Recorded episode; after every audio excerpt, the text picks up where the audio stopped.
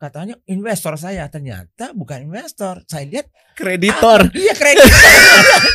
Balikin weh. Coach kasih solusi. Coach Rene Derry, Wah, apa kabar? baik dan saya Akhirnya juga ya. baik. Akhirnya Coach Rene bawa guru Akhirnya saya. ya, akhirnya ya, kesampean ya. Pak Budi Isman ya Allah. Aduh. Emang cuma Coach Rene doang yang boleh menghubungi sehingga Anda mungkin bisa ke sini Pak Budi. Kok saya giliran saya kita nggak ketemu mulu Pak Budi? Iya itu dia makanya nggak pernah bisa kan. Oh, oh. waktunya. sih. Itu namanya jodoh lewat konektor. Wah. Nah, spesialisnya beliau itu. Oh ya. Eh, Connecting Jadi- the dot gitu. Iya benar. Nah ini aduh luar biasa nih pembahasan tapi kita. gini, kan Hmm. nanti akan ada waktu lagi dari bisa ngobrol langsung sama Pak Budi. Kalau Amin. gue manggilnya maaf ya kalau rada keceplosan ngomongnya Om. karena Om oke. karena istriku Uh-uh. biar gimana respect banget keluarganya dekat banget sama Om Budi. Jadi Iya. nggak bisa enggak, gue juga manggilnya Om Budi gitu. Kalau Jadi saya, pembeda. eh, Kalau saya mungkin Pak takutnya durhaka kalau Om. Iya iya iya. Iya Pak Budi Isman ya mantap Pak.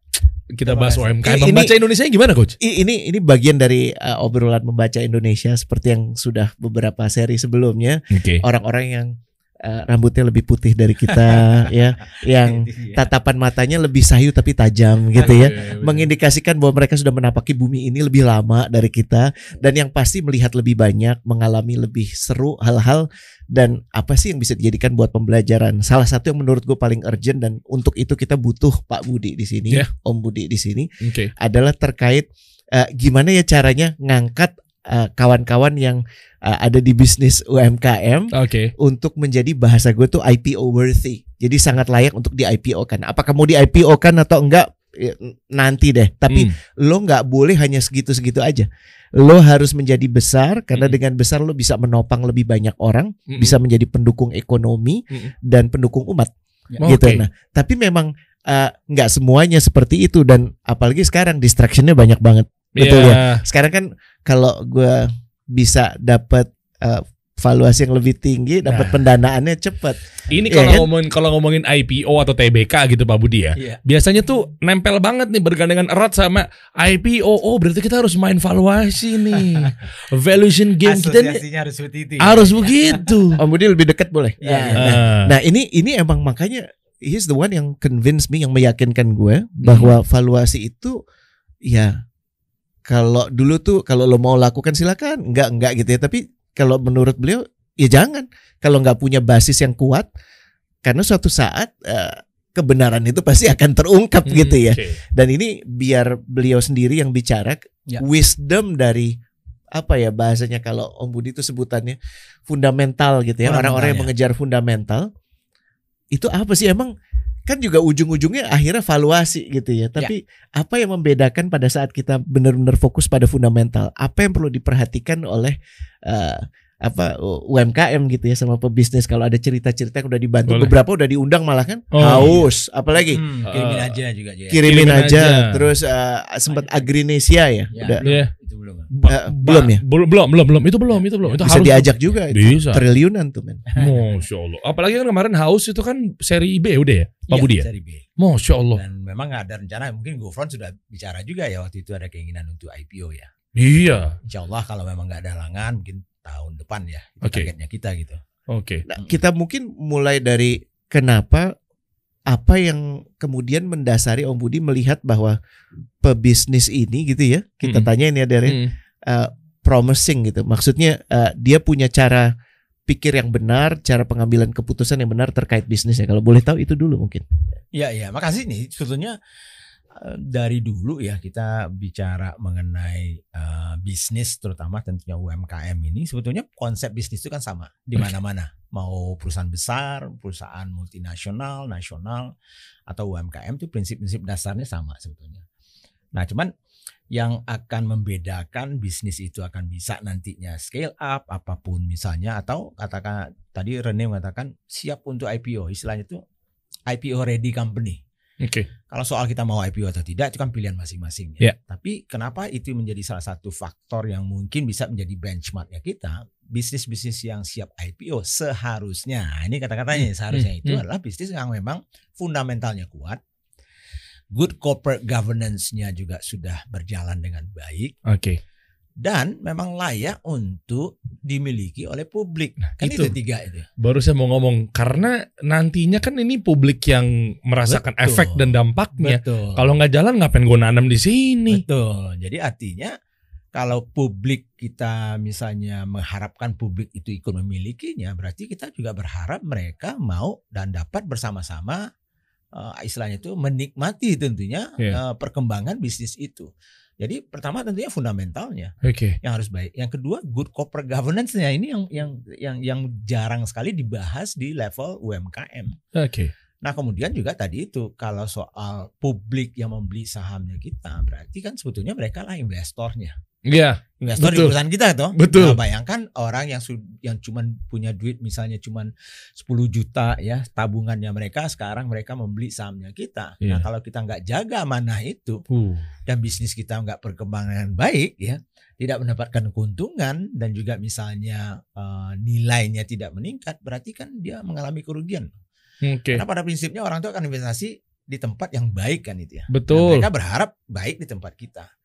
Nah, Oke. jadi itu mempersiapkan bisnis yang IPO ready itu sebetulnya adalah satu benchmark yang bagus untuk melihat bisnis ini sehat jangka panjang atau tidak. Hmm. Nah, kata-kata yang paling sering saya katakan itu ada tiga tuh, sustainable, profitable, growing. Nah, jadi bisnis Oke. itu harusnya sustainable, Nomor satu sustainable, sustainable, dulu ya. ya, jangka Oke. panjang dulu, ya. Pikirkan nih gimana nantinya tuh Iya, ke depannya tuh. kemudian profitable tentunya kalau nggak profitable dia nggak bisa berkembang. Oke. Tapi juga harus growing. Ada juga orang yang dia sustainable jangka panjang, dia profitable tapi nggak growing lagi, berarti sudah uzur nih. Kan gitu. Segitu-segitu aja. Segitu-segitu aja. Jadi Heeh. tiga kata kunci itu yang selalu saya sampaikan ke teman-teman. Oke. Jadi bisnis yang punya fundamental kuat harusnya tadi itu punya sustainability, profitability, sama growth. Ya. Oke.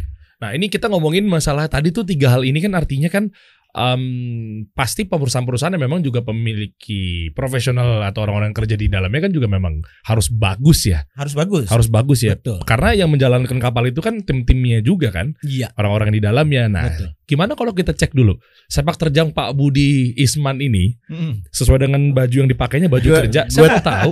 Gue terhormat sekali karena Heeh. kalau untuk ngomongin diri sendiri nggak boleh orangnya dong. Nah, Iya kan? Makanya. Gue punya Eh. punya apa kemenangan di sini ya, Eh. punya keunggulan dibandingkan Derry karena kenal sejak beliau dulu sekali. Pas gue masih pakai celana pendek, ya ceritanya ya. Oke. ya nah, Boleh boleh Coach Rene mungkin bisa bantu Ka- saya dan teman-teman lebih dalamnya seperti apa? Tapi sebelum berangkat ke situ, kenapa ini relevan untuk ngelihat ya rekam jejak seperti Pak Budi ini jarang, Oke. jarang dan menurut gue justru harus diperbanyak di Republik ini karena beliau inilah yang sebenarnya menjadi jembatan antara dunia yang sudah merepresentasikan tiga value tadi. Oke. Kalau disebut multinasional, kalau disebut BUMN kan karena sudah mewakili seharusnya nilai-nilai bahwa dia perusahaannya sustainable. Iya. Perusahaannya mestinya sih profitable ya. Iya, harusnya. Kenapa untuk tadi- BUMN mungkin Iya. ada ya, kita Kenapa ada dulu. tadi eh, gangguan tenggorokannya dikit? Enggak, enggak. Mak- Maksudnya maksudnya sudah memenuhi Mulai itu. mancing ini. Memang. Mulai mancing ya. Beliau memang bapak sarkas nasional Eh, Pak Budi. Da- dan eh, sebagian profitable. Iya. Walaupun masih banyak yang juga struggle ya untuk profitabilitas ya. Betul. Makanya kan Pak Oke. Erick Thohir kerja keras buat itu. Nah, yang ketiga itu Kok dia ketawa sih? Ya, yang ketawa dia ya Pak Erick ya. Yang ketiga itu growth ya, growth dan bagaimana perusahaan-perusahaan ini bisa terus tumbuh kembang. Coba lihat ke bawah ya Pak. Oke. Ini ini beliau ya saat ini sebagai Oke, kita bisnis LinkedIn-nya ya. dot ID. Coba paling bawah, Iya. paling bawah Pak boleh. Budi izin Pak Budi ya. Oh, saya saya punya kebanggaan untuk menjelaskan bahwa eh, beliau ini punya pengalaman sebelum bekerja itu pengalaman berganti di apa di eh, universitas tuh berkali-kali. Eh, Coba lihat. karena Coba. beliau sempat ke ke beberapa universitas terkemuka Heeh. ya Tapi- dan dan dan memang eh, Memang Cocok, tidak cocok kan? tidak cocok. Memang tidak cocok. langsung dipatahkan. ya, Tapi eh, tadi saya lo- ceritanya menarik banget sih dan ini kayak gue gue nggak akan interfere ya ini Hmm. ini catatan buat Derry untuk nanya kalau punya nanti sesi langsung ngobrol soal hidupnya boleh, Pak Budi boleh, boleh, boleh. ya bagaimana dia bisa bakar sekolah dan seterusnya itu Bakar sekolah. nah, kan itu jadi jadi menarik ya Apakah jadi harus maaf ya orang yang duduk yang lo hormati di samping ini ya Heeh, beliau ini memang ya makanya kalau punya anak bandel gitu ya heeh. jangan jangan, jangan putus asa dulu Oh, gitu, gitu. loh. Masih ada harapan. Oh. gitu. Masih ada harapan. Tapi gini Pak Budi, apakah memang kalau mau sukses seperti Pak Budi itu harus bakar sekolah Pak? ya itu itu nanti dulu nanti nanti Yang logonya warna kuning tadi. nanti nanti bukan bukan bukan bukan bukan turun lagi. Tapi ini buat lo ya, buat sesi berikutnya ya. Ya, ya, ya, Nggak akan oke. dibahas di sini. Oke, yang Beliau- mana? Kedisiplinan beliau itu lihat ya di Coca-Cola, beliau punya peran untuk menyatukan dulu tuh Coca-Cola di Indonesia tuh ber punya, dimiliki beberapa orang, Betul. beberapa family hanya di Betul Indonesia begitu Pak. di Indonesia. Hampir semua daerah kan franchise ya sistemnya. Oke. Tapi di Indonesia yang banyak sekali pemiliknya. Oh, yang paling banyak justru di Indonesia. Iya, Dan iya. itu kan sulit sekali ya untuk mengkoordinir karena semuanya Oh. batasnya geografis. Disatukan kemudian di bawah CCBI istilahnya Ya. Coca-Cola bottling. Hmm, oke. Beliau orang yang berdiri di belakang yang terlibat banget untuk penyatuan ini. Dan ini kompleks banget oh, ya. itu PR banget. Ngebayang ya. Ya, 20 perusahaan soalnya. Wow. Spend waktu berapa tahun jadi kemudian Ah, lima tahun baru beres semuanya gitu. dahsyat ya. Betul. Dan- Pak Budi, kalau saya mungkin udah 90 tahun kali. Benerin ya. Dan dari lihat ya, beliau itu uh, mulai dari uh, operational, kemudian manage HR, ngurusin orang, Oke. kemudian ngurupin regional, ngurusin regional, dan akhirnya masuk untuk ngurusin corporate. Lengkap banget pengalamannya. Jadi kalau ngomong sama dia, sama beliau ini, ya ngerti lo lo mau ngadalin kayak gimana juga udah pernah gitu ya. Naik Iya, iya. lagi. Terus uh, beliau itu juga kemudian di Danon Ah, ya oke. dan uh, Oh, dalam masuk aja dari G- eh, dari di- eh, GM dulu ya, Pak ya? Iya. Masuknya ya. Jadi GM juga kemudian ya tentunya eh, yang namanya tuh GM itu di Coca-Cola itu memang tuh operasional gitu ya. Oke. Nah, nanti direksi itu lebih ke fungsionalnya gitu. Oh. Betul. dan dalam proses kemudian dipercaya sebagai CEO untuk perusahaan namanya Sari Husada Oh, tahu saya. dan ya. perusahaan di Jogja itu kemudian di, di dikuatkan ya penataannya jadi lebih baik sebelum akhirnya dibeli oleh uh, Danon, jadi Danon. ya Betul. apa susu apa namanya? Uh, SGM. SGM. SGM. SGM. Oh, legend Ah. itu. Nah, Eh, itu sebenarnya jembatan sempat di Afris dan beliau punya jembatan lagi untuk kemudian benar-benar mendedikasikan hidupnya untuk membantu uh, apa entrepreneur. Beliau hmm, punya oke. visi untuk menjadikan entrepreneur di Indonesia jadi berapa persen Om Budi dari populasi? Wah itu sudah sebetulnya eh, jumlah UMKM kita cukup banyak. Tapi Mm-mm. yang betul-betul di kalau yang dibandingkan orang benchmark itu kan sebetulnya SME ya, Iya. small medium enterprise-nya. Jadi mikro itu nggak masuk sebetulnya. Oh. Itu harusnya sekitar 2 sampai tiga persen itu cukup layak gitu. Tapi Hmm. kita kan masih di bawah 2 persen Hmm, sebetulnya. yang besar ya. yang, yang small masuk. mediumnya ya, Mm-mm. betul. Ya, yang mikro banyak banget kita. Kita sampai Mm. hampir 65 juta. Kita sempat bahas kan Iya. kemarin Iya, ya, iya, yang betul. work yang rata-rata self employed atau bisnis rumahan itu banyak Oke. sekali. Iya. Cuman yang kemudian masuk ke SMI karena yang punya peluang untuk kemudian tumbuh kembang lagi besar. Mhm. jadi IPO ready Oke. itu tadi. Hmm. Iya. Ya ya ya itu sebenarnya SMI ini. Nah, itu yang Gitu. masih jumlahnya masih sedikit. Oh, itu dia baru saya bilang. Itu PR gimana caranya Pak Budi agar bertambah tuh kuenya dan lain-lain itu gimana? Ya itu sebetulnya ya. Jadi sebetulnya dari peta piramida dari jumlah mikro ya kecil menengah itu ya. Eh, itu kan banyak ya kalau dari sisi pemerintah mengatakan hampir 65 juta. Kalau 65 juta dibagi 270 juta kan lumayan besar itu. Hmm. Tapi yang dilihat di dunia itu yang akan betul-betul mempengaruhi ekonomi ini kan sebetulnya yang paling paling cepat itu adalah yang small mediumnya atau yang kecil sama menengahnya itu.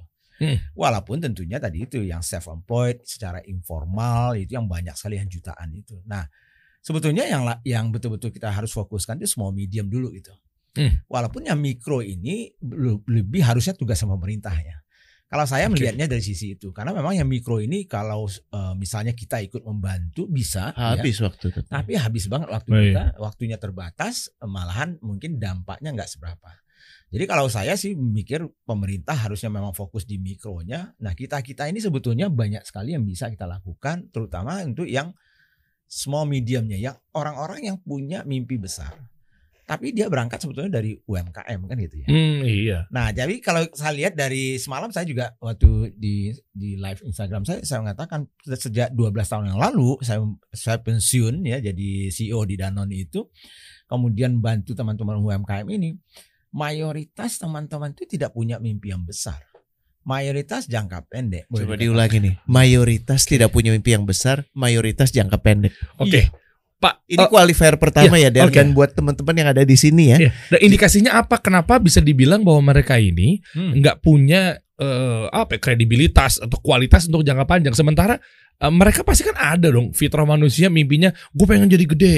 Ya. Gue pengen kayak jadi eh, Coca-Cola. Ya, Karena waktu itu Pak Budi jadi CEO-nya di sana Danon, Betul, Sari betul. Usada. Betul. Kayak nggak mungkin mereka Enggak deh kayaknya gue gini-gini aja deh. Nah, Tapi kan istilahnya kan gini ya. kalau fundamentalnya Pak. kita- ya? Iya, sebetulnya bisa ngomong aja itu nggak cukup bagi kita tuh. Oke. Kalau oh, saya mau besar, tapi actionnya apa sih?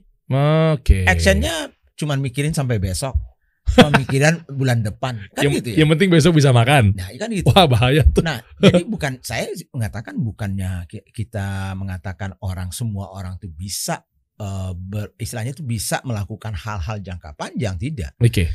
Tapi berpikir dan punya rencana jangka panjang walaupun action kita memang jangka pendek karena bisa saya paham sih kadang-kadang UMKM ini nggak punya modal katakanlah. Naf- Nafasnya cuma dua bulan. Iya. Jadi gua harus profitable nih dua bulan. Malahan lebih parah lagi nih. Banyak sekali teman-teman tuh "Ah, gimana bikin perusahaan pak? Oke besok saya dirikan perusahaan pak. Bisa nggak bulan pertama itu kita langsung profit? Nenekmu, kan gitu ya. Iya, artinya- Kebalik ya iya, mikirnya ya. Iya, kan artinya cara saya berpikir memang beda Iya, ya. iya, iya, tapi iya. teman-teman bilang, tapi harus bisa. Oke, kalau bisa, gimana cara bisa? Ya dagang aja. Bedanya antara bisnis dan dagang. Iya sebetulnya dagang itu pada prinsipnya kan bisnis juga. Tapi Oke. dagang itu bisa menjadikan bisnis jangka pendek. Karena apa? Karena kita tinggal beli barang harga 100, jual Iya. 150 kan gitu ya. Iya, iya tapi kan gitu-gitu aja pak. Tapi mungkin akan begitu-begitu aja nantinya Iya. kan itu. Nah, Heeh. jadi artinya tadi itu kalau dulu kami di bisnis-bisnis yang besar itu kami sudah menyiapkan diri untuk tidak profit langsung malahan tahun pertama atau tahun kedua Dan itu sah saja. di Nah, depan angel investor misalnya. saja karena itu itu yang mungkin di istilah sekarang di startup Valuasi, banyak padahal itu yang bukan. yang bakar-bakar duit itu itu Hmm. sebetulnya.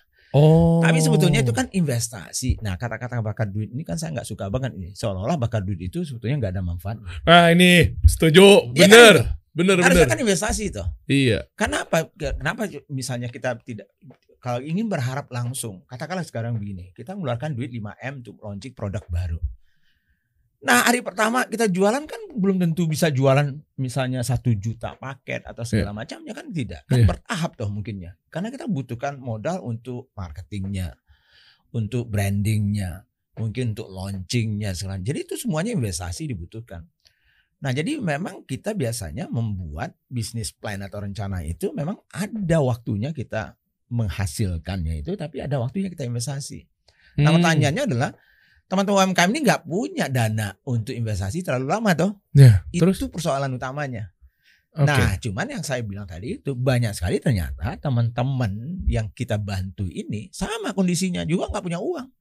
Malah modalnya juga mungkin modal nol, mau pas-pasan banget.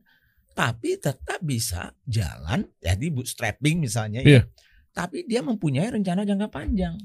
Jadi kalau saya malah pengennya pengen banget itu saya itu eh, meminjam eh, pemikiran-pemikiran anak startup teknologi ini Mm-mm. digabung dengan UMKM ini. Nah, itu rasanya itu menjadi sesuatu yang luar biasa. Dalam konteks apa? Contohnya, ya gini. Huh. Startup itu sebetulnya sama UMKM juga kan. Cuman kan judulnya aja lebih keren loh, startup kan. Kayaknya yang udah berbasis aplikasi sepertinya, Iya. yang udah maju, tech banget, tapi ternyata Betul. warteg pun juga startup. Start Kalau- pada prinsipnya kan startup itu perusahaan Memulai. rintisan, Perintisan. rintisan. Cuman memang kegunaan kata startup ini memang diawali tentunya di perusahaan-perusahaan teknologi ya sehingga Iya. orang selalu berasumsi bahwa seolah startup itu hanya teknologi. Toh ternyata banyak uh, food startup sekarang ini Wah, ya, bukan hanya soal teknologi aja. oke. Nah, tapi yang ingin saya coba membandingkan ya waktu itu cara berpikirnya mereka itu harus digabung dengan cara berpikir UKM yang kita yang ada yang sekarang ini tuh. Caranya bagaimana misalnya contohnya? Mereka dari awal saja sudah punya rencana bisnis tuh. Hmm. Coba ketemu sama anak startup itu, mereka sudah mau pitching tuh. Sudah punya bisnis plan lima tahun.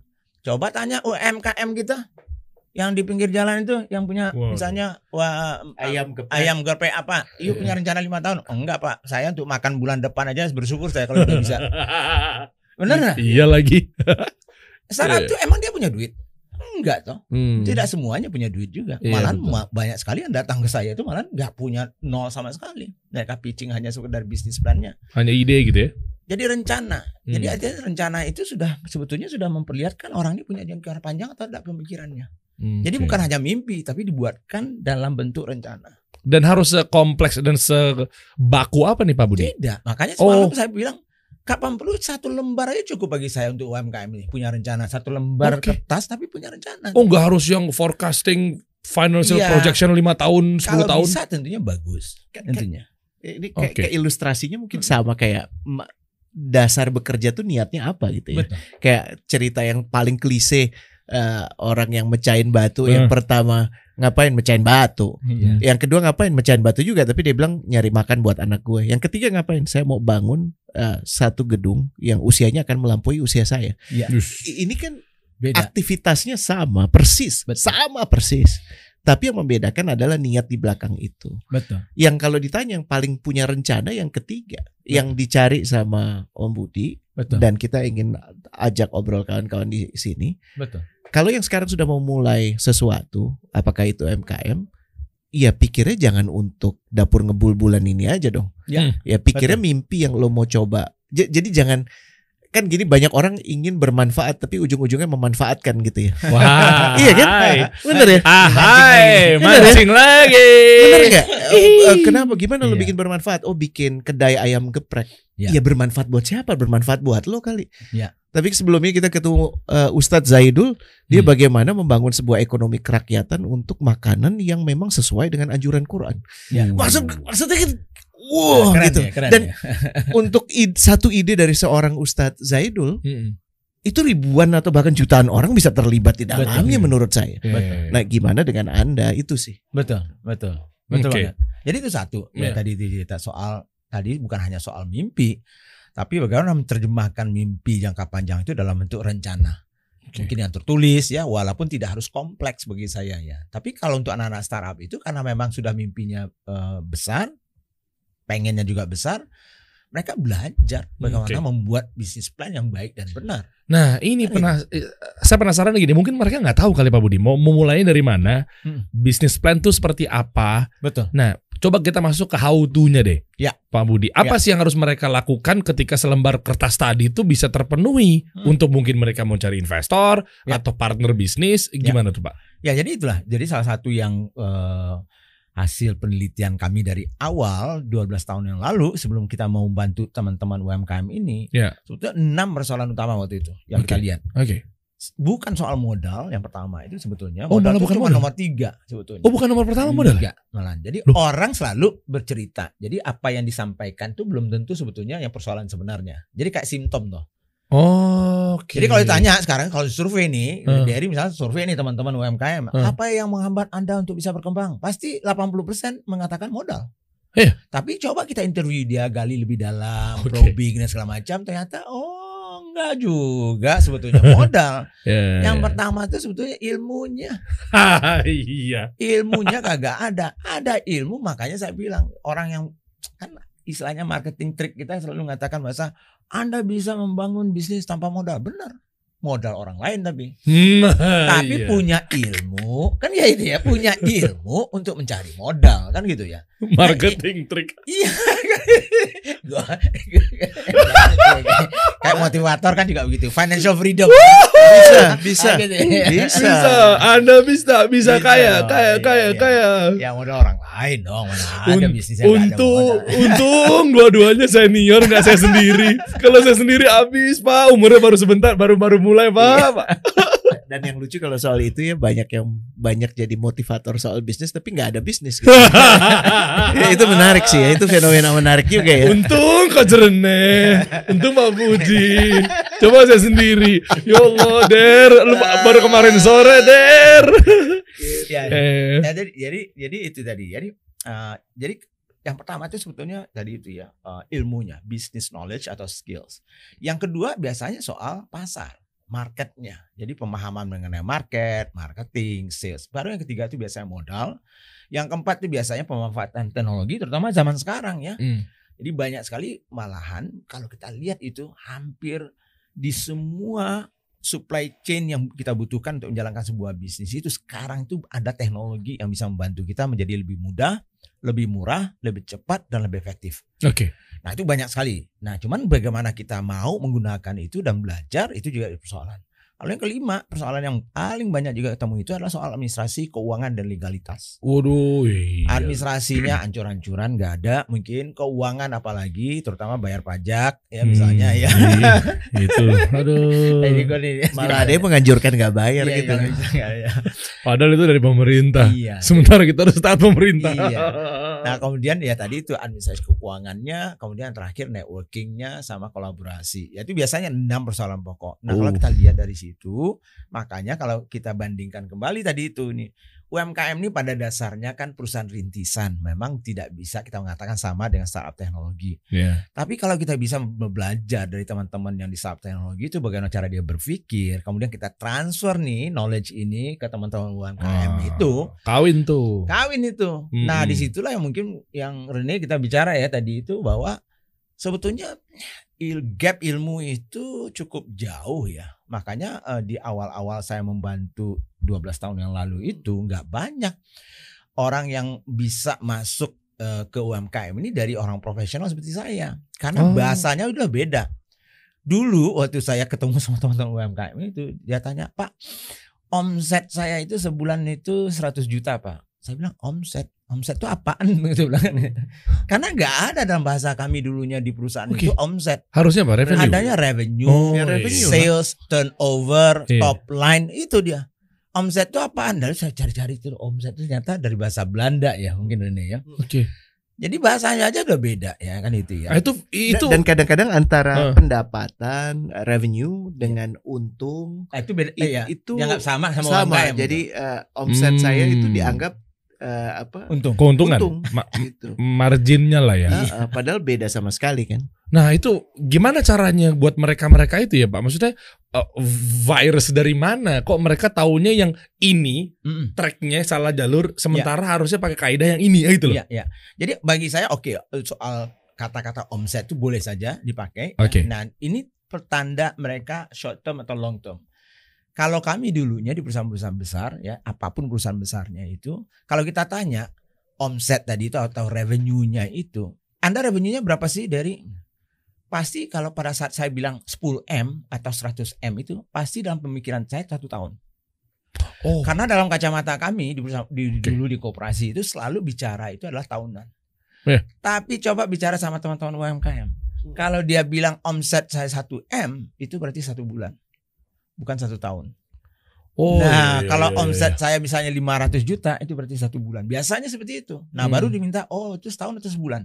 Oh sebulan. Nah baru kita i- kalikan lagi kan 12 baru kita dapat setahun. Iya. Nah itu aja sudah pertanda sebetulnya. Dan kadang-kadang omsetnya bulan ini 500 juta, bulan depan nol gitu bisa. Iya, Jadi iya, sa- iya. belum ada kalau kalau bicara setahun kan udah pemahami continuity-nya Iya. gitu. Iya, ya. kalau iya, ini iya. kan hanya siklus satu siklus aja. Ada order gede nih, Iya, tahu tahu. ya kan? Tapi bulan depan nggak ada order Iya, gede. betul. Nah ini kan yang harus disamakan uh, persepsinya. Betul. Jadi itu itu selalu is- dari istilah itu aja sebetulnya kita bisa juga melihat cara mereka berpikir toh. Hmm. Jadi ilmunya tadi itu penting untuk membuat rencana. Nah, tentunya membuat rencana bisnis itu harus ada tentunya ilmunya juga. Ya saya tapi sebetulnya yang paling gampang itu adalah dulu makanya kami mengajarkan modul pertama yang saya ajarkan ke teman-teman di 30 kota itu adalah Smart Business Map itu yang selalu saya ceritakan. Wah, Smart SBM tuh. SBM itu kan, Legend tuh. Iya, iya. Karena dengan 12 pertanyaan itu sebetulnya kalau kita bisa me- me- menyiapkan ya me- menjawab 12 pertanyaan itu sebetulnya itu kalau kita summary kan itu sudah bisa menjadi pitch deck-nya kita. Hmm. Kalau iya dan kalau kita summary kan itu bisa menjadi kerangka berpikir untuk membuat rencana bisnis tinggal mau mendetailkannya seperti apa. Wow. Itu semudah itu menurut Oke. saya gitu. Oke.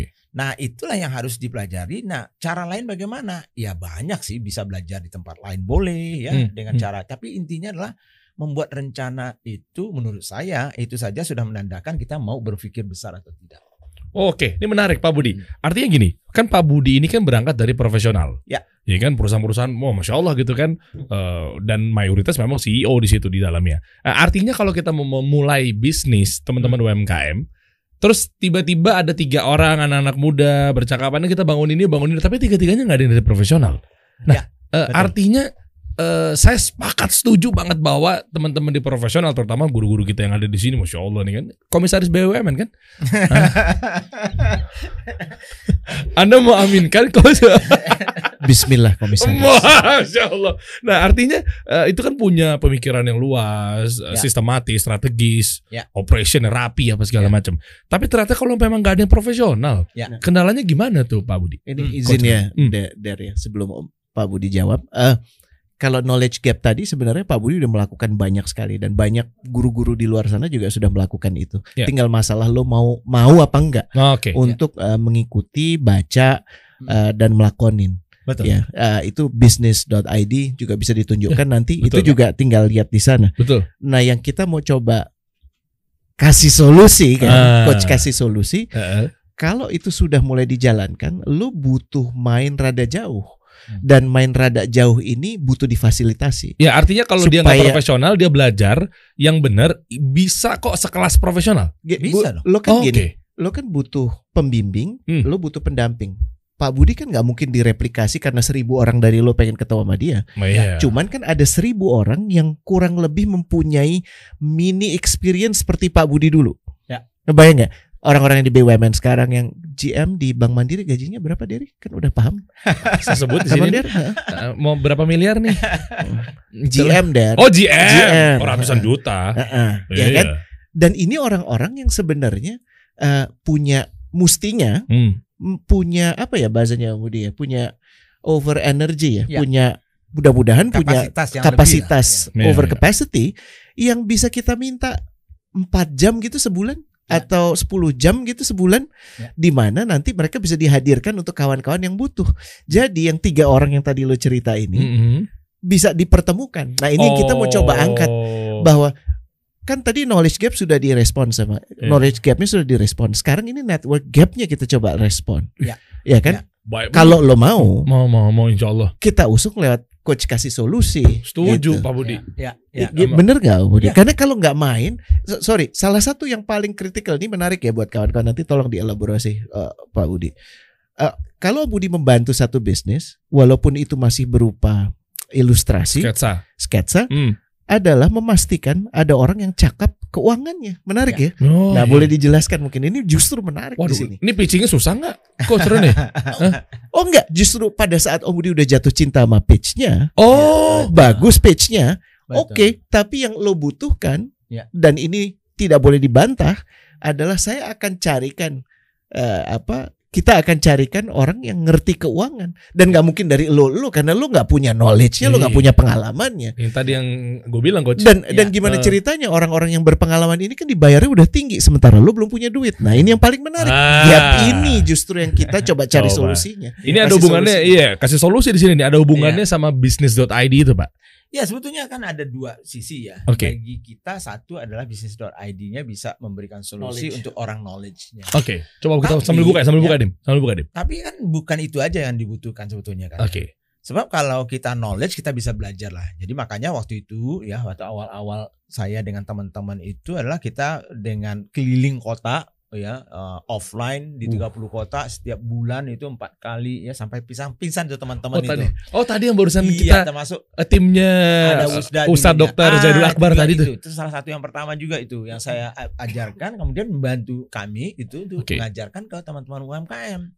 Nah, tapi di, di setelah itu banyak sekali teman-teman UMKM itu, Pak, kami nggak cukup sampai di sini. Jadi artinya harus ada orang yang bisa memfollow up, mungkin mengingatkan, kemudian mengkasih lagi mungkin tipsnya bagaimana menggunakan misalnya memanfaatkan ilmu ini dan segala macam. Oke. Nah di situ apa pun namanya lah kita mau bilang itu sebagai coach kah, apakah itu mentor Mentor, kah, advisor. advisor kah, terserah ya. Hmm. Walaupun saya tahu ya eh, coach, advisor dan segala macam itu beda-beda tentunya fungsinya. Nah jadi saya- Anda-anda yang nggak tahu, Iya. disangkanya sama aja tuh beda-beda Iya, pak ya. Beda banget. Yang coach dengan mentor ya beda banget gitu ya. Oke. Nah tapi oke lah kita nggak perdebatkan dulu soal itu. Tapi Iya. intinya mereka butuh itu juga kan itu. Hmm. Nah di sinilah yang saya tadi bicara dengan Rene itu adalah ada gap antara yang tadi itu knowledge-nya itu kalau kemarin itu waktu awal-awal kami membangun em, apa namanya teman-teman ini 12 tahun yang lalu itu saya malah memilih teman-teman UMKM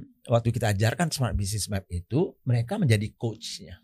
Oh. Menggunakan itu, ya.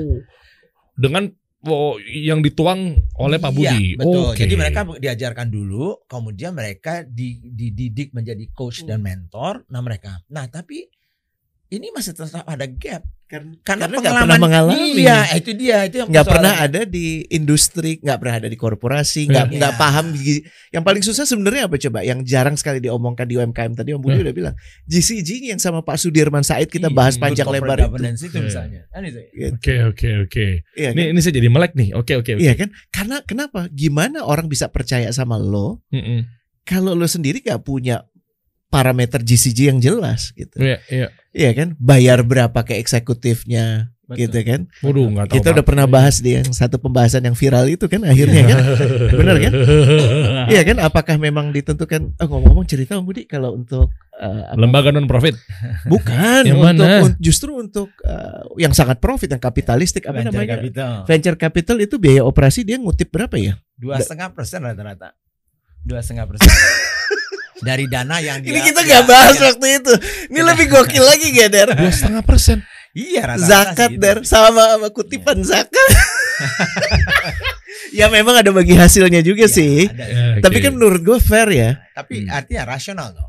Rasional. Jadi artinya dia dia akan eh, gamenya adalah variable tuh. Iya. Jadi maksudnya oke, gue nggak minta banyak-banyak nih biaya operasional cuma dua setengah persen dari dana yang saya putar ini kan gitu ya. Oke. Tapi tentunya ada mereka tuh biasanya dapat juga capital gain istilahnya sekitar 20 persen, 80-20 itu biasanya kebanyakan tuh. 80 persen untuk yang punya modal, 20 persen untuk mereka. Tapi itu kan kalau berhasil. Kalau nggak berhasil mereka Ya, tetap aja 2,5%. dua setengah persen itu. Jadi artinya sebetulnya biayanya mereka cuma dua setengah persen dari sisi operasionalnya. Yang lain itu kan profitnya, profit Kenapa, sharing Der? kan itu. Kenapa lu mikir apa boleh berbagi nggak apa yang di pikiran lu? Sungguh-sungguh kapitalis. Sesuai namanya. Ah, udahlah saya bootstrapping aja deh. Iya, struggling dulu ya. Iya kan? Mak- maksudnya gini. Azas kepatutan itu. Iya. Kita sebagai muslim harus belajar banget dari orang-orang yang kita sering tunjuk sebagai kapitalis. Bener nggak? Iya. Sungguh jangan-jangan mereka jauh lebih mengusung GCG. GCG itu kan sebenarnya apa sih? Amanah, Hmm. Iya. ahlak, bener gak sih? Iya. Iya gak sih? Betul. Dan dan gimana kita bisa minta diyakinkan orang? Eh, kita bisa meyakinkan orang kalau kita sendiri masih belum taat lah gitu. Hmm. Mana yang hak orang, mana yang hak kita gitu. Gitu. Kadang-kadang uang, uang udah masuk ke account kita udah dianggap uang gue gitu kan. Wow. Padahal itu dana investasi loh. Betul sekali. Dan, dan ini ini perkara pelik makanya butuh pembimbing dan pendamping Oke. orang-orang yang sudah terekspos. Betul. Pak Sudirman saya perlu kita ajak lagi. Dan Waduh, bener tuh. karena Setuju. di pembimbing itu kan ada pembimbing bisnis tapi juga butuh ada pembimbing Iya. GCG. Betul. Nggak main-main itu. Betul. Duduk bertiga berarti sama saya berempat. Pak Sudirman Said. Iya. Oke, ini kita ngomonginnya masih kita di ranah mengenai venture capital, ya kan atau investor apa segala macam. Eh, gini Pak Budi Isman, nanti Hmm. Rani bisa nambahin. Adalah eh, sejauh apa sih kita bisa mengandalkan mereka-mereka itu tuh? Artinya bedanya apa dulu deh dari simpel-simpel. siapa? Ya misalnya kayak eh, kita mau growth nih, kita Ya. mau scale up nih. Ya. Ah, terus eh, ada yang punya duit nih. Ya, Ya udah, cuma hitung aja valuasi lo berapa bisnis lo. Oh, tuh sekian puluh miliar. Oh, ya udah berarti gue lepas sahamnya gue berhak dapat 20% ya. Ya. Nah, itu kan larinya kan ke sana untuk scale up. Ya. Eh, apa memang bootstrapping itu berdarah-darah Pak Budi? Saya merasakannya. tapi tapi ya, Jauh ya, lebih waras. Iya, mindset profit and loss. Iya, Lama-lama otak saya ngelos nih, Pak. Alah. betul. Tapi sebetulnya kan gini ya. Jadi artinya memang eh, prinsip dasar dari pengembangan bisnis pasti membutuhkan modal. Oke. Itu prinsip dasar. Jadi makanya tadi saya bilang juga bahwa tinggal kita mau milih modal datangnya dari mana. Iya. Nah bisa. Jadi modal itu sebetulnya pada prinsipnya hanya dua saja. Modal itu datangnya dari mana. Satu adalah dari equity istilahnya. Ya. Artinya penanaman modal di Duit lo. perusahaannya ya. Hmm. Duit orang. Atau utang. Dua itu aja. Hmm. Itu. Artinya investor utang. Ya, jadi artinya itu jadi makanya ada lembaga pembiayaan itu sebetulnya bukan mereka bukan investor tapi seperti bank dan segala macam itu kan mereka memberikan hutang kan gitu. Crowdfunding gitu, sekuritas crowdfunding? kalau securities kalau crowdfunding itu tergantung kalau crowdfundingnya itu equity ya seperti yang sekarang ini kebanyakan Fintech- fintech sekarang ya? itu adalah equity. Jadi misalnya ada dua kalau nggak salah atau tiga sekarang ini crowdfunding equity. Oke. Makanya dia harus bi- bikin PT. Hmm. Maka di situ dia memiliki jadi pemegang apa yang investor-investor itu memiliki saham di PT itu equity. Oke. Jadi pada prinsipnya dua di dalam bisnis itu. Soal kita mau menggunakan utang atau tidak, ya itu kan terserah kita. Iya. Tapi intinya modal itu hanya datangnya dari dua. Iya. Modal yang ditanam sebagai equity atau utang. Makanya dalam neraca itu kan ada dua nih. Hmm. Dari sisi liability-nya atau kewajiban itu ya. Satu utang yang di atasnya, Hmm. di bawah itu equity tuh.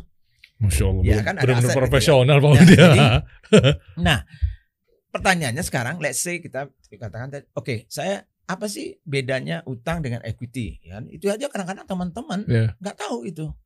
Yang lucunya kadang-kadang banyak teman-teman itu katanya investor saya ternyata bukan investor. Saya lihat Kreditor iya kredit balikin Iya. Ya minta balikin duitnya tuh. Ya Nih, berarti lo lo Basic itu ya ternyata. basic itu karena nggak paham toh. Jadi Padahal kalau di Islam muamalah di Muslim gitu ya, Mm-mm. ya Pak Budi artinya ya untung bareng-bareng, rugi bareng-bareng. betul. Giliran jeblos, lah dia nagih duitnya minta balikin. Betul. Nah itu yang paling sering toh karena nggak paham antara ini apa sih Dan, dan gak dibahas Iya. dan gak ada yang membimbing. Oke. Ya. Paham ya? Betul. Ya, ya, ya, Betul. ya. Dan memang sengaja maaf ya bukan salahnya si apa si eh, debiturnya saja si entrepreneurnya saja. Oke. Tapi juga kadang-kadang ketidakjelasan ini memang sengaja dibiarkan. Iya. Biar menguntungkan. supaya Ah. Pak, kalau ternyata lebih untung gue masuk lo bisnis lo grow ya gue punya share dari saham lo. Kalau bisnis lo anjlok Iya. Ya, bayar Udah, dong, kan bayar utang. Iya kan it- itu ada juga ada yang nakal-nakal Ada. seperti itu. Ada, ada. Nah ini harus harus hati-hati toh. Jadi Hmm. kedudukannya sebagai apa? Nah kembali lah katakan tadi itu. Jadi kita mau eh, ekspansi, kita mau berkembang, kita mau scale up, butuh modal toh. Jadi biasanya kalau yang bootstrapping itu yang kita katakan itu adalah kalau memang kita bisa mulai profitable, artinya sudah ada profitnya, maka profit itulah yang sebetulnya kita putar kembali. Aduh, tapi jalannya begini, Pak. Nah, kan itu tadi itu. Naik pasti kan itu Bukan kan begini. Betul. Jadi Oh. isti- is- istilahnya adalah ini contohnya yang saya bawa misalnya house lah waktu itu Ah, ya, oke. house ini contohnya. Pasti Gufron udah pernah cerita. Di awal-awal dia bisnisnya kan bootstrapping. Hmm. Karena mereka juga nggak punya duit gitu. Iya. Jadi cari investor atau untuk outletnya gitu ya, bagi hasil gitu ya. Oke. Nah dari bagi hasil itu pun baru mereka bay- bayar biaya-biaya. Nah kemudian ada ada keuntungan. Nah keuntungannya nggak diambil sama mereka. Oke. Nah keuntungannya diputar kembali, diputar kembali sehingga mereka bisa buka cabang dengan duitnya sendiri. Hmm. Nah misalnya pada bulan ini harusnya saya bisa buka cabang dengan duit sendiri tiga cabang misalnya. Tapi dalam rencana bisnis saya, saya harus buka cabang setiap bulan 20.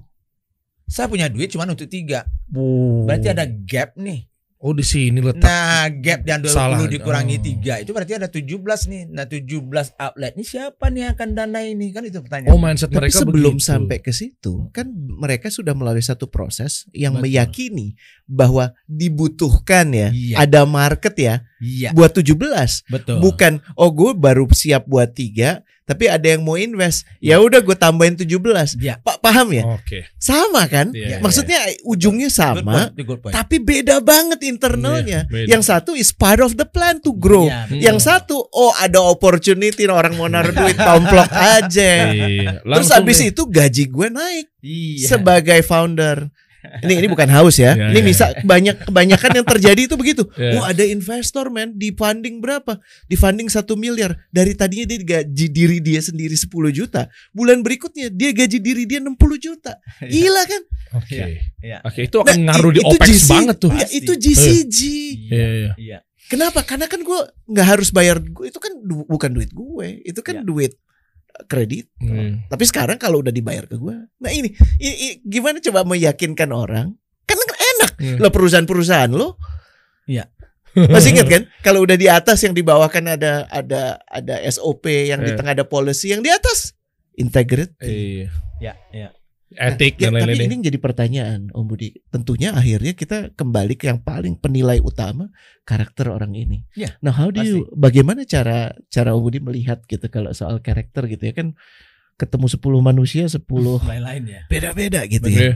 Dan nggak mungkin ada ada orang yang bersih dari kesalahan. Ya Allah Hmm. enggak gitu ya. Ya, Tapi ya. gimana pengen denger sih? Ya jadi sebetulnya kalau kita lihat pun misalnya kalaupun kita di itu kita katakanlah mencari investor ya salah satunya ya. Tentunya investor itu apalagi kalau bisnis kita baru-baru itu apa sih yang bisa kita jual ke mereka? Kan gitu ya. Wah, ini penting nih. Kan gitu ya. Karena karena track record kita nggak ada. Bisnisnya baru. Iya. Ya kan itu. Apalagi kita baru juga berbisnis itu. Kita Betul. entrepreneur baru nggak punya pengalaman.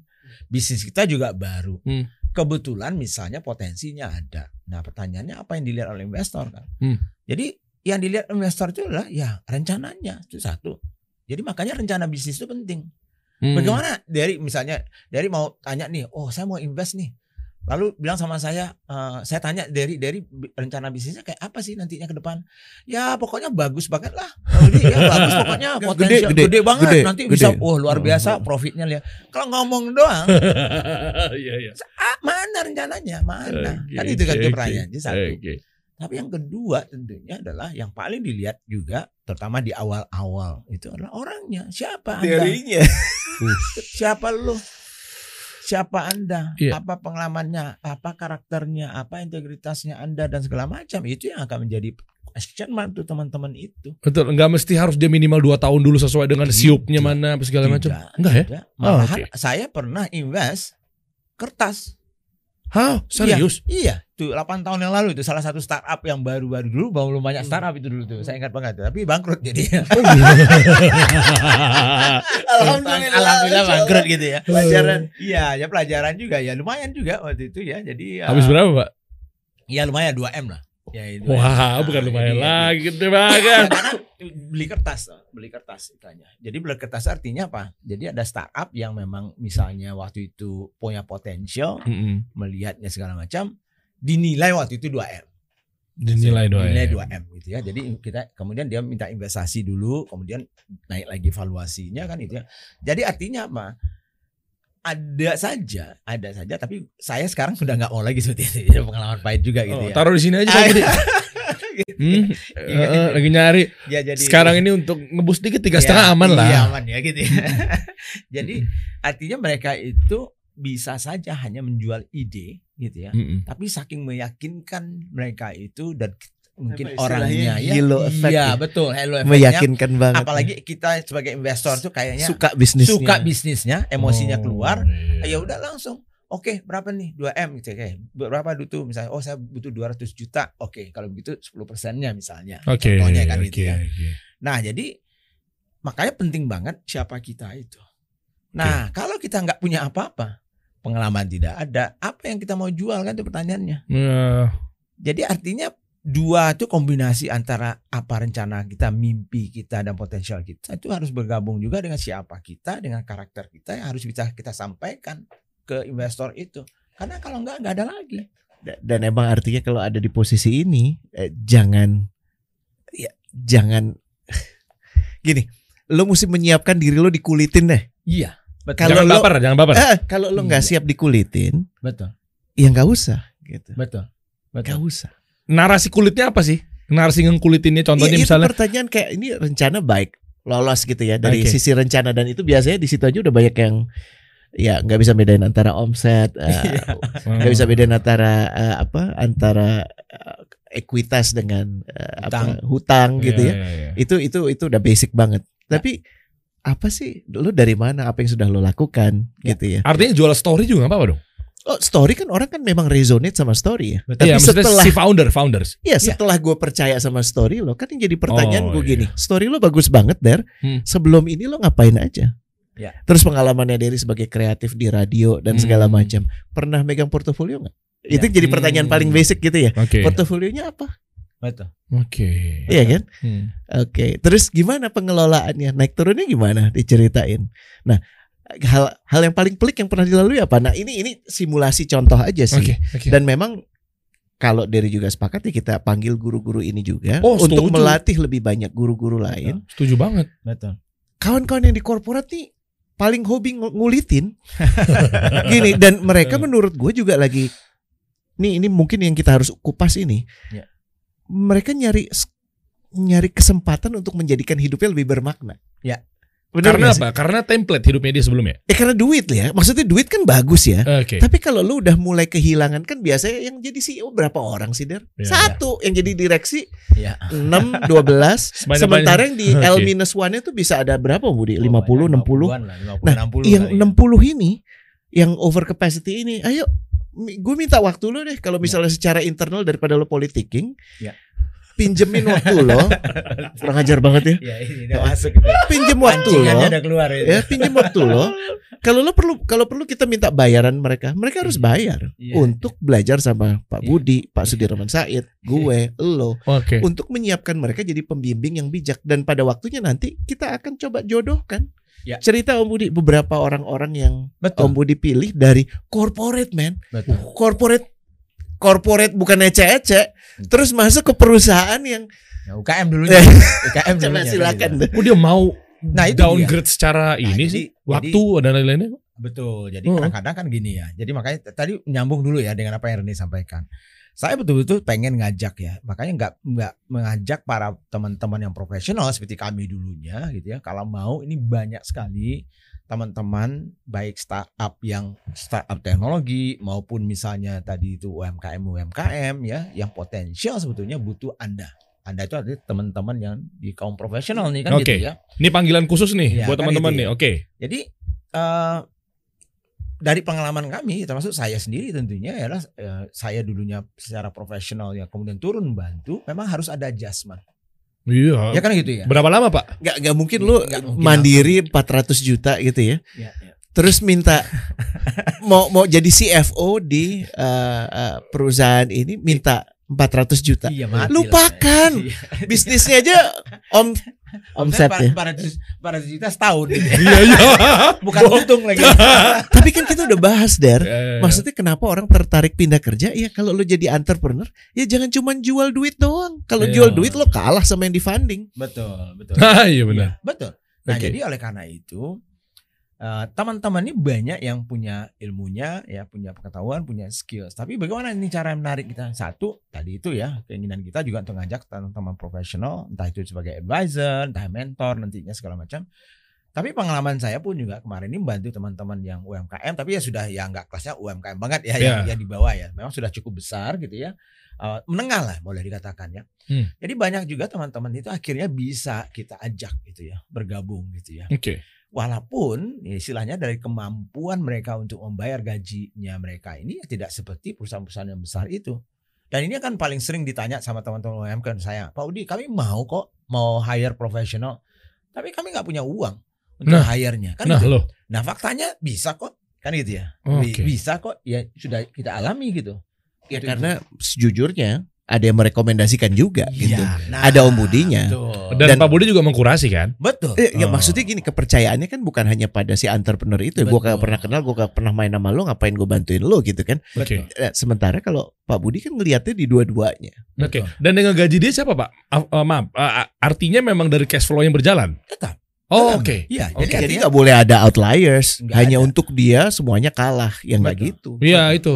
Jadi Oke. jadi artinya kan gini ya. Jadi contohnya ada satu startup yang kita bilang itu ya foundersnya harus mengalah kan gitu ya. Iya. Jadi artinya kita kita mau apa? Oh, waktu itu kita cerita mau uh, pakai funding duluan nggak? Oh jangan dulu saya bilang kita bootstrapping aja dulu. Iya. Yang penting kita tidak merah dulu lah. Iya. Nah, jadi kan kita hitung-hitung toh berapa op, apex apa opex kita ya berapa untuk gaji dan se- segala macamnya kita sudah tahu nih lalu berapa sales yang harus didapatkan segala macam. Nah dari situ kita mengatakan lah kalau begitu kalau kita mencari orang yang profesional yang seperti ini berarti gajinya let's say katakanlah misalnya contohnya misal 100 lah bukan 100 juta maksudnya tapi 100% itu ya misalnya. Dia dia dapatkan misalnya di tempat yang lain. Nah kita nggak mampu toh me- me- membayarnya 100 kita mampunya cuma membayarnya 20 gitu Iya. Nah, gapnya 80 toh. Iya. Jangankan orang Signifikan itu lima kali lipat ya dari Iya. empat lima kali lipat turun itu. Betul. 80 persen turun. Iya. 80% turun. Plus biasanya pengalaman kami dulunya kalau mencari orang dulunya di profesional itu kalau mereka pindah itu rata-rata Naik. mintanya naik dibandingkan Hmm. yang dulu nggak oh, ngapain gue Ya kan gitu. Iya, pasti kan ada turnover dari si ini ya. Iya dong. Ya, Iya. Nah ini malahan udah lah nggak naik tapi malah turun gitu ya. Cukup signifikan. Tapi apa yang dijual kan itu ya? Ya tentunya kita cari secara kreatif untuk bisa membuat mereka pun mau untuk penggantinya itu. Hmm. Ba- bahasanya gini ya Hmm. Budi ya kita juga tahu lo nggak bakal jadi CEO kan di situ Iya, iya, iya. lo kan nggak mungkin jadi direksi Iya. dan tinggal tunggu waktu aja lo pensiun Iya. sebelum lo pensiun di sana kenapa lo nggak jadi bagian dari bisnis ini Betul. Dan tentunya mungkin ada peluang. Nah, Nah. itu dia. Jadi macam-macam caranya kita memberikan kompensasi ke mereka tanpa kita harus mengeluarkan fixed cost yang tadi itu sangat besar. Ya. Nah, jadi pengalaman tadi yang saya ceritakan sama Rene itu juga. Jadi ada salah satu direksi yang baru yang profesional itu karena gajinya memang sudah tinggi gitu ya. Jadi akhirnya dari ya berapa tuh kalau boleh diilustrasikan Iya dong. Jadi katakanlah ya tadi dari dari misalnya Ratusan, 100 200. itu ya, nah, saya bisa 100 itu ya, ya turunnya misalnya ke 20 itu. Tapi kemudian ya Dan- akhirnya foundernya Mau ya? Iya foundernya malah eh, dia akhirnya digaji lebih tinggi dari foundernya tentunya ya pada saat dia masuk yang penghormatan penghormatan foundernya harus harus Keren berkorban foundernya Iya. kan gitu ya Iya, ya iya. udah nggak apa-apa nah jadi artinya kita harus secara kreatif juga mencari nah tentunya yang kita jual bukan hanya duitnya saja ya tadi yang dikatakan Reni tadi itu growth masa growth-nya depan peluang Hmm, ada ada ada di oke. situ cuma sampai di mana sih kan itu ya Bocorannya apa Pak? Hah? Eh, untuk UMKM -nya yang kira-kira yang potensialnya seperti apa? Mungkin bisnis F- FMCG atau mungkin makanan, minuman atau Hmm. fashion atau apa? Bukan apa pun. industrinya sih Bukan tapi industri. keyakinan lo Oh, ya, dan kedisiplinan lo betul Jadi nggak ada masalah apa pun industrinya ya? apa pun industrinya Pak, Oke. Pak Budi ini eh, ada mak- makanan minuman ada logistik properti ada properti ada macam-macam. Maksudnya gini, kan kita pernah bahas ya 11 perusahaan yang dibilang good to great itu sama si Ya. Jim Collins itu kan, Aha. across industry. Ya. Tapi yang membedakan apa? CEO-nya, Iya. quality CEO-nya. Nah, Betul. kualitas lu sejauh mana? Lu amanah nggak sih? Jadi kalau emang lu merasa amanah ya, ayo Betul. gitu, colek kita. Uh, ayo nih panggilan penting nih. Sayang banget kalau Anda nggak ambil loh. Jadi ada dua Iya. colekan sebenarnya Der. Buat Iya. kawan-kawan di sini, Heeh. ya eh, kita tanya sekarang sama Pak Budi eh, tanpa kemudian lu lu mesti kelola ekspektasi jangan kemu- semuanya ketemu Pak Budi ketemu gue gitu ya tapi paling nggak kirim dulu lewat nanti emailnya disediakan Nah aja itu. ya informasi bisnisnya yang butuh dilihat apa Om Budi Ya sebetulnya kalau bisnis-bisnis itu sebetulnya kalau misalnya ada semacam istilahnya itu brief ya, bisnis brief. Jadi untuk teman-teman juga yang punya bisnis yang pengen dilihat itu kan sebetulnya harus siap terus itu bisnis briefnya itu. Bisnis brief itu mungkin lima lembar, empat lembar ya. Nah, isinya apa? Tadi satu lembar juga Satu cukup. lembar juga boleh. Ya, kalau Isinya misalnya- apa aja? Eh, Cuk, Jadi bisnis plan ya, segala bisnisnya, macam ya. ya, bisnisnya apa kategorinya, apa sudah berapa lama mungkin berkembangnya, Oke. kemudian misalnya trennya bisnisnya seperti apa, salesnya tidak perlu nggak kalau nggak mau ngasih informasi salesnya minimal bentuk trennya misalnya ya, Eh, Hmm. angkanya nggak perlu disebutkan di situ, kekuatan kita apa, kelemahan kita apa, misalnya uniknya kita apa, mungkin itu aja sudah cukup ya untuk kita Oke. bisa melihat bahwa oh ini ini punya potensial ini sebetulnya bisa kita coba bantu ya untuk Uh. dianukan. ini kalau di sini more is more ya the more information yang lu sampaikan Ya. betul. yang jujur betul. eh, itu lebih baik gitu Iya. kayak data-data yang ingin Betul. disampaikan supaya kita juga bisa ngelihat gitu. Betul. Lu kemampuan lu mengu- mengusung rencana sejauh apa. Kalau ternyata ini masih di area knowledge gap ke bisnis.id. Kita Hmm. arahkan aja ke bisnis punya Om Budi tadi yang Betul. sama kawan-kawan itu. Boleh. Tapi kalau memang ini udah mumpuni, Ya. Hmm. kita coba tackle yang dikasih solusi itu tadi yang apa sih to sky itu kita coba angkat aja. Boleh, Betul. boleh. Betul. Setuju banget. Apalagi digandeng sama profesional Iya. orang-orang yang bekerja di bidang itu kan, masya Allah Betul, gitu. Betul. Boleh support banget tuh UMKM. Coba kita ke bisnis.id dulu ya Pak ya. Ya, Tadi Coach Rene udah singgung juga ya. Belajar bisnis dan interaksi dengan expert. Nah ini nih salah satunya. Expert yang dimaksud tuh adalah orang-orang profesional tadi. Nah, jadi kita bagi dua tadi itu. Oke. Jadi expertnya itu. Makanya tadi itu saya juga sebetulnya connect kita ini sebetulnya ya. Hmm. Jadi ada dua expert yang kami butuhkan di bisnis.id itu. Satu expert yang dari kaum profesional seperti saya, ada Pak Baskoro Hadi dan segala macamnya itu. Mereka sudah membawa experience ya dan segala macam. Nah mereka juga bisa menularkan itu.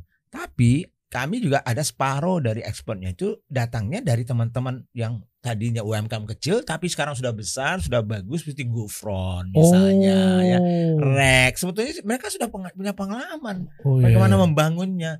Jadi artinya kalau eh, teman-teman profesional ini kan pengalaman membangun UMKM-nya kan nggak ada. Iya. Jadi kalau dikombinasikan tadi itu mereka yang sudah besar tapi awalnya dari UMKM Uh, itu dikombinasikan lagi dengan ini lebih chair lah. lebih bagus gitu. lagi. Nah, cuman tatarannya bisnis.id kan lebih ke knowledge-nya nih. Cuman implementasi bagaimana kita misalnya tadi itu membantu mengadvise dan segala macam. Nah, Hmm. di situlah Gap mungkin yang kita coba itu mainkan. yang mungkin Betul. diperlukan ya platform ya seperti yang di sini ya kasih solusi ini gitu. Kita kolaborasi aja, Pak. Kita tunggu ya kirimannya ya. Iya. Dan pada saat yang sama nanti kita colek kawan-kawan yang itu tadi Iya. yang direksi terus Iya, nah, L1-nya, beliau ini kan L2-nya. konektor ini. Iya, Kita, cari gitu kan. Masya Allah. Jangan-jangan kocernya nama tengahnya Nokia ya? Nokia. Connecting people. ya. Kita Iya, tunggu ya. teman-teman ya. Mungkin kirimnya ke email di bawah ini kali deskripsi kali ya. Iya, betul. Iya, betul, rencana betul. bisnisnya apa ya? Mungkin 1 sampai 5 lembar deh. Betul. Saya juga kepo lebih dalam nih, boleh dioprek-oprek nggak nih, Pak? Boleh, boleh. Boleh, boleh dong, boleh dong, boleh dong.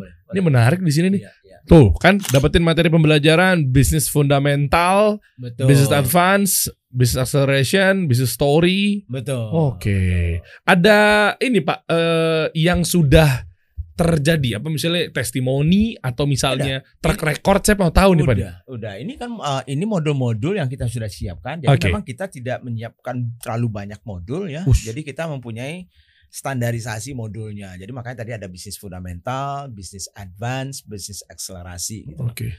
Jadi yang sudah siap itu ya kita memang bisa eh, apa bantu teman-teman ya. Oke. Kalau dulu misalnya kita eh, teman-teman belajar SBM itu harus offline ya, bayarnya berarti bay- harus bayar tiket, harus datang hotelnya Hmm. dan segala macamnya.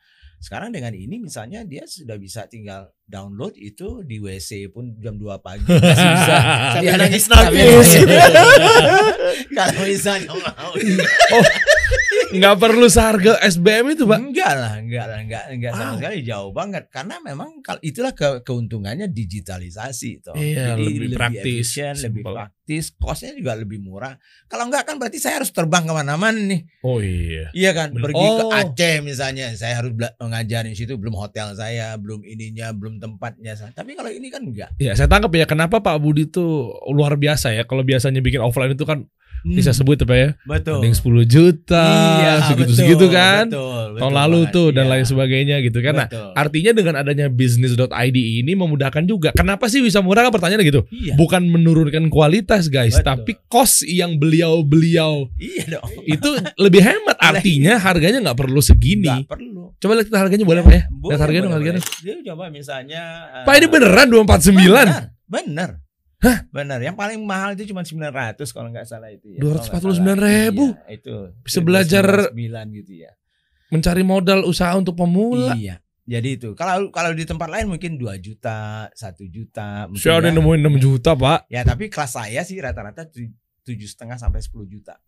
Kelas Oh. offline-nya saya. Tapi itu memang hanya untuk undangan khusus. Jadi bukan lagi untuk yang belajar yang basic supaya nggak merugikan juga kan Iya. orang yang emang benar-benar butuh. Betul. Iya. Nggak, nggak, saya nggak mau orang biasa, bukan yang kita melecehkan Iya, orang lain gitu ya. Mhm. Yang belum Kalau- siap ya. Iya, kalau nggak butuh ngapain? Karena investasi. Nah inilah persiapan kita untuk Hmm, teman-teman yang harganya sangat terjangkau gitu Iya, ya. betul betul. Nah sehingga bisa gitu. Dan itu pun banyak sekali yang kalau dilihat semua kelas itu Coba lihat semua Ya. kelas. Klik dong, dim. Nah, coba klik yang bawah. Ah, coba. Jadi kalau bisa dilihat di situ terus ke bawah itu banyak juga yang sebetulnya yang free gitu. Nah, itu misalnya tuh 850. Jadi smart business itu cuma 600. Hah? Iya. Lo kok jadi 600? Iya. 7.0 lagi? Iya. Yang 7.0-nya kan gitu. Dan Dari itu seumur hidup. Semua dari Seumur sini ke sini Iya, Pak Budi sebegitu ngebantu UMKM, Pak. sangat harus. Dong. segini. Kenapa alasannya sih, Pak? Kalau saya malahan saya pengen di- dijadikan gratis sebetulnya. Enggak, usah- enggak, bayar ke saya aja kalau Ta- gitu. Iya, tapi, tapi tapi inilah prinsipnya saya. Kenapa saya nggak mau eh, gratiskan? Karena saya sudah capek melihat orang yang mm, dikasih gratis itu malah nggak punya Oh, komitmen. iya. ngerti ngerti saya. Saya dari 12 tahun yang lalu saya bantu pemerintah itu ke, ke kota-kota nih Mas Reni ya. Nah di situ saya sering saya berantem dengan teman-teman Pemda ya. Karena mereka tuh sering sekali ngasih eh, apa Gratisan. namanya gratisan. Ya. Oke. Ada Bagus memang memang ada memang itu tugasnya Programnya- mereka toh. programnya kan bagus, oke. ya. Nah cuman akibat dari itu budayanya apa? Jadi pernah satu kali saya dengan kawan-kawan dapat eh, program dari Kokol waktu itu minta Oke. tolong memberdayakan eh, entrepreneur wanita di Bandung. Oke. Jadi kami kerjasama kolaborasi waktu itu dengan Coca-Cola, buatlah program nih kan. Jadi kami kan membayangkan nih ya, kalau kita ngasih ilmu tuh orang kan mau bayar nih itu ilmu. Iya. Dan ilmunya ilmu ilmu canggih nih ya. Siapa nih? Saya ikut ngajar loh. Oh, Kan itu ya. untuk para UMKM itu. Tapi begitu kita pergi menyosialisasikan, apa pertanyaannya ibu-ibu itu? Ini ada uang transportnya nggak pak? Ini ada uang makannya nggak nantinya kalau kami datang? Loh, gue udah kasih gratis ilmu yang harganya kalau lu bayar 10 juta ini, tapi dia sekarang minta itu. Duh, mindset juga sih Nah, kadang. tapi kenapa begitu? Siapa yang ngajarin? Pemerintah. Karena Hmm. Karena pemerintah. disuapin. Nah, itu dia. Kan Iya, orang iya, kalau iya. disuapin gak jadi tambah pinter, Der. Iya iya benar-benar. Bayi kan suatu saat suruh makan sendiri akhirnya Eh, pas dia udah gede gitu kan. Betul. Banyak eh, orang tua saya juga gitu kan ada saya punya bayi lah. Jangan disuapin mulu, udah biar aja. Betul. Tapi Pak berantakan Pak. Lah itu justru di tempat belajarnya dia. Betul. Jadi akibat dari itu ya mereka tidak menghargai itu. Karena kalau bagi pemerintah itu kan project aja. Hmm. Artinya ada training ya. Oh, mau trainingnya berhasil atau tidak, gue nggak yakin itu ada ada ukurannya. Tapi yang penting Ukurannya jelas dong. Ya ukurannya Budget kepake. ya itu dia ukurannya Diadakan. sudah 100 kali training ini. Coach Rene. Ya. Aku ngilu. Jadi Dan anggarannya kepake ya pengajuannya. project based dong. Kalau menurut saya sih project based ya Oke. saya tahu mungkin ada yang memang bisa bisa ber- bermanfaat ada tapi akibat dari itu budaya itu makanya sebetulnya seperti smart business itu pengen banget saya gratiskan tapi saya tahu itu Iya. akan malahan tidak akan baik gitu ya. Bener-bener. Maksudnya dengan ada berbayar seperti ini kayak tadi 600 ribu doang gitu. Iya. Artinya kan buat di sana kan ekonomi daerah juga jadi Betul. kebangun ya karena dengan mungkin anda niat Betul. sesuatu yang misalnya dibayar itu kan artinya kan lebih profesional juga ngikutin materi pembelajaran. Nah begitu tuh. Betul, betul. Ini masih dibuka eh, lifetime atau misalnya cup dibuka terus. Pokoknya begitu Ada ya. Jadi ya, enggak, jadi artinya begitu mereka beli ya udah Ikut mereka dulu aja ya. Iya. Yang sudah di udah ikut di situ. recorded. Iya, dia jadi dia ada ada kuisnya di situ. Bisa berhenti. Jadi modul Oh. satu belajar dulu, belajar dua ada kuisnya. Jadi kalau nggak le- lewat kuisnya nggak diisi, mereka nggak boleh masuk ke modul dua. Oh ada morojaahnya juga Kun. Ah, iya. Keren. Iya jadi kita bisa mengasah terus. Betul. Nah, tapi kenapa mau digratiskan dan segala macam tuh gue paham sebenarnya. Kenapa? Karena Om Budi sekarang tuh udah orientasinya sangat spiritual, mencari keberkahan. Oh, maunya so. begitu kan. ya. Karena ujungnya kan kita kembali juga kepadanya betul ya. Iya, Dan ini betul. lagi cari modal sama-sama. Jadi bisnis.net tuh cara Bisnis beliau dot cari ID. mod bisnis.id itu cara mo- cara cari modal. Iya, iya. Kita juga nggak ada Insya ini. Allah, Kita Allah. juga nggak ada funding ini ya. Jadi kita Oke. bootstrapping Bootstrap. saja ya. Ah, karena bagi kami ya eh, bukan di situ dulu ya sampai kita betul-betul merasakan ah, ini sudah betul-betul bermanfaat atau tidak. Kalau iya baru kita akselerasi kembali gitu ya. Tapi kami lebih suka tentunya berkolaborasi ya dengan teman-teman ya seperti kasih solusi juga ya. Amin Kemudian amin boleh. Uh, kirimin aja itu dia juga punya akademi namanya kirimin aja ya Hmm. uh, itu kolaborasi juga kita. Nah di kita mereka. tuh ada kasih kelas. Oh, kasih Ah, kelas ah, gitu ya. jadi ya, isinya ya, tuh ya. workshop-workshop yang memang Ya, ah, ya. me- me- ya memang orang-orang kompeten di bidangnya bisa ngajar di situ. Nah artinya Betul. nanti di aplikasi kita ini kan ada fitur-fitur banyak Budi ya. betul. Jadi ada kasih desain, kasih foto. Ya. pokoknya marketplace khusus jasa lah. Betul. Nah kasih kelas nanti eh, Oh, ada juga. bisa itu kita Itu. kolaborasikan itu. Oh Ya, harus. karena sa- kami tidak mungkin tidak mem- mem- eh, me- mencari kelas yang seperti itu tapi Heeh. dibutuhkan gitu. Iya jadi Karena kalian kami bukan di situnya gitu. Jadi makanya tadi kalau dilihat dari situ lebih ke misalnya strateginya, ke marketingnya, tapi yang itu kan yang praktikalnya ya. boleh Nah, kita- di situ. kita nggak punya itu kalau di bisnis.id ya karena memang bukan di situ kita mainnya gitu Hmm. jadi biarlah orang lain kalau punya ya yuk kita kolaborasi kan di situ Mah, kan itu ya isi kasih kelas kita nih fitur-fiturnya tuh cakep tuh. Boleh nanti kita ngobrol lebih lanjut lah. boleh boleh, Oh, oh, boleh. berapa ilmunya saya ngambil berapa persen aja betul, deh. betul betul. Jadi menarik ya Ya, menarik ya. ya. Untuk dari sisi tadi kalau kita kembali ke soal funding tadi itu ya uh, artinya kalau memang dibutuhkan funding ya carilah funding yang sesuai dengan kebutuhan anda dan strategi anda. Dan yang lebih penting itu adalah anda itu paham nggak sebetulnya memang kebutuhan itu? Jadi kadang-kadang kalau ditanya berapa sih sebetulnya kebutuhan itu mereka sendiri bingung sendiri Iya. ini mau apa sih sebetulnya gitu Atau ketemu nggak pernah jawaban. ada rencana ya. Ya, atau Iya. enggak ketemu jawabannya cuma keukur indikasinya hanya sebatas oh endorse di Raffi Ahmad segini. ah, Eh, karena duit yang bisa dibutuhkan jadi. untuk buat endorse doang. Salah itu kayak gitu. ya? ya menurut saya Sementara enggak cuma biaya marketing doang kan? Oh, enggak dong. Makanya kalau di dalam pitching biasanya ke venture capital pasti diminta itu untuk kebutuhan apa saja. Nah kalau kita nggak paham dan begitu mereka challenge itunya, nah di situ mereka mengatakan lah buat apa ini?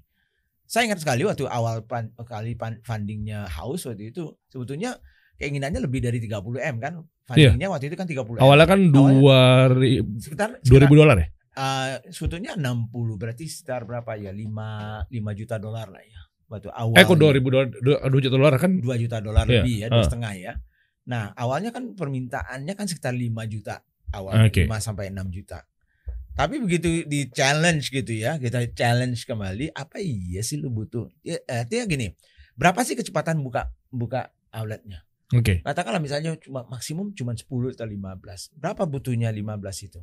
Jadi kalau ada misalnya kalaupun dikasih duit misalnya 60 M, tapi nggak habis juga langsung, buat apa kan gitu? ya. Artinya duit nganggur itu kan nggak bagus Hmm. Dari sisi investasi itu. Jadi Iya, kalau iya, kita iya. butuh 30 ya udah Godaan 30 buat aja. yang enggak enggak gitu. Nah, Hmm, cuma betul. kadang-kadang kan Anggur. ah itu dicocok lagi kan kan ya. Oh kebutuhan kita 60 sebetulnya. Tapi Atau enggak bilang aja 60 miliar tapi jaga-jaga lah kalau ditekan sama Iya, venture capital kan bisa gitu ya. 30. Nah, itulah yang bahayanya kalau ada duit nganggur, nah mulailah ide-ide kreatif yang nggak jelas itu keluar. yang sebenarnya cuma buang-buang kos doang ya. Iya, jangan-jangan Oh, kawin oke. lagi lagi. Dan di bisnis.id ini juga dijelasin, Pak. Kira-kira dari uang sekian ini Hmm. alokasi dananya tuh nantinya buat apa aja? Iya, itu ada juga yang Ada pelajaran khusus. Ada untuk uh, karena cari investor ya. Heeh. Nah, di situ ada ada juga. Malahan banyak sekali yang gratis di situ. Oke. Jadi rekaman-rekaman kita di bisnis forum setiap hari Sabtu itu kita buatkan di situ diedit, kemudian di- ditaruh di aplikasi itu. Jadi untuk yang free itu banyak sekali, ratusan itu ilmu-ilmu yang free. Oh, ini dia aplikasi ada ya? Iya, di aplikasi Android Cakep. sama Apple atau di webnya.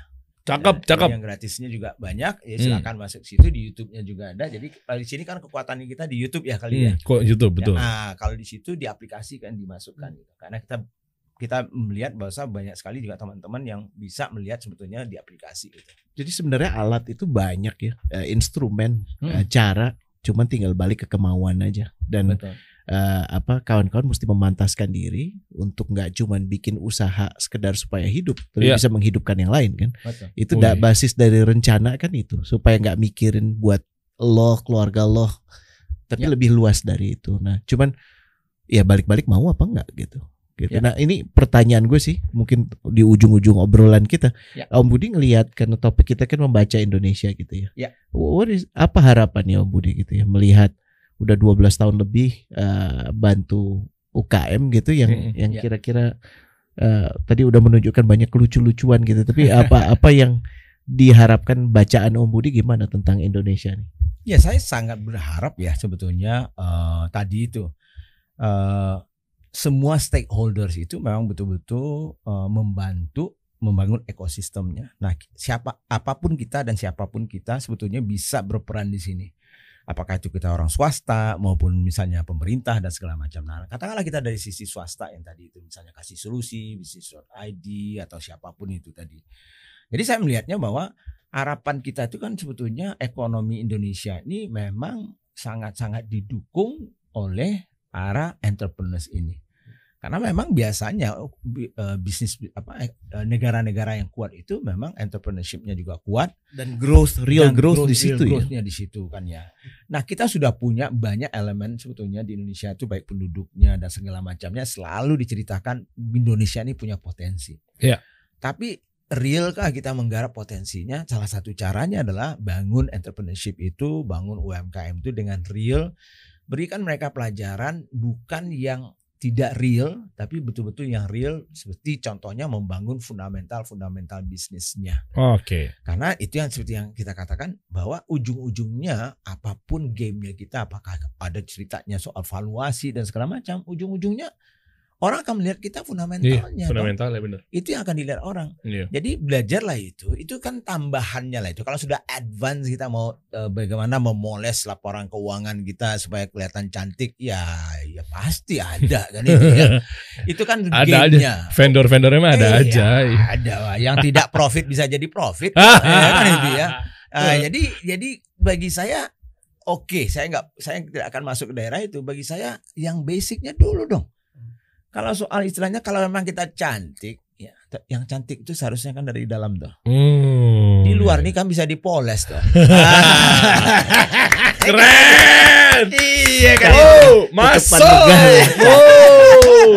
sebagai Anda yang suka berframing-framing, iya. arahnya ke sana kan. Coach kasih solusi.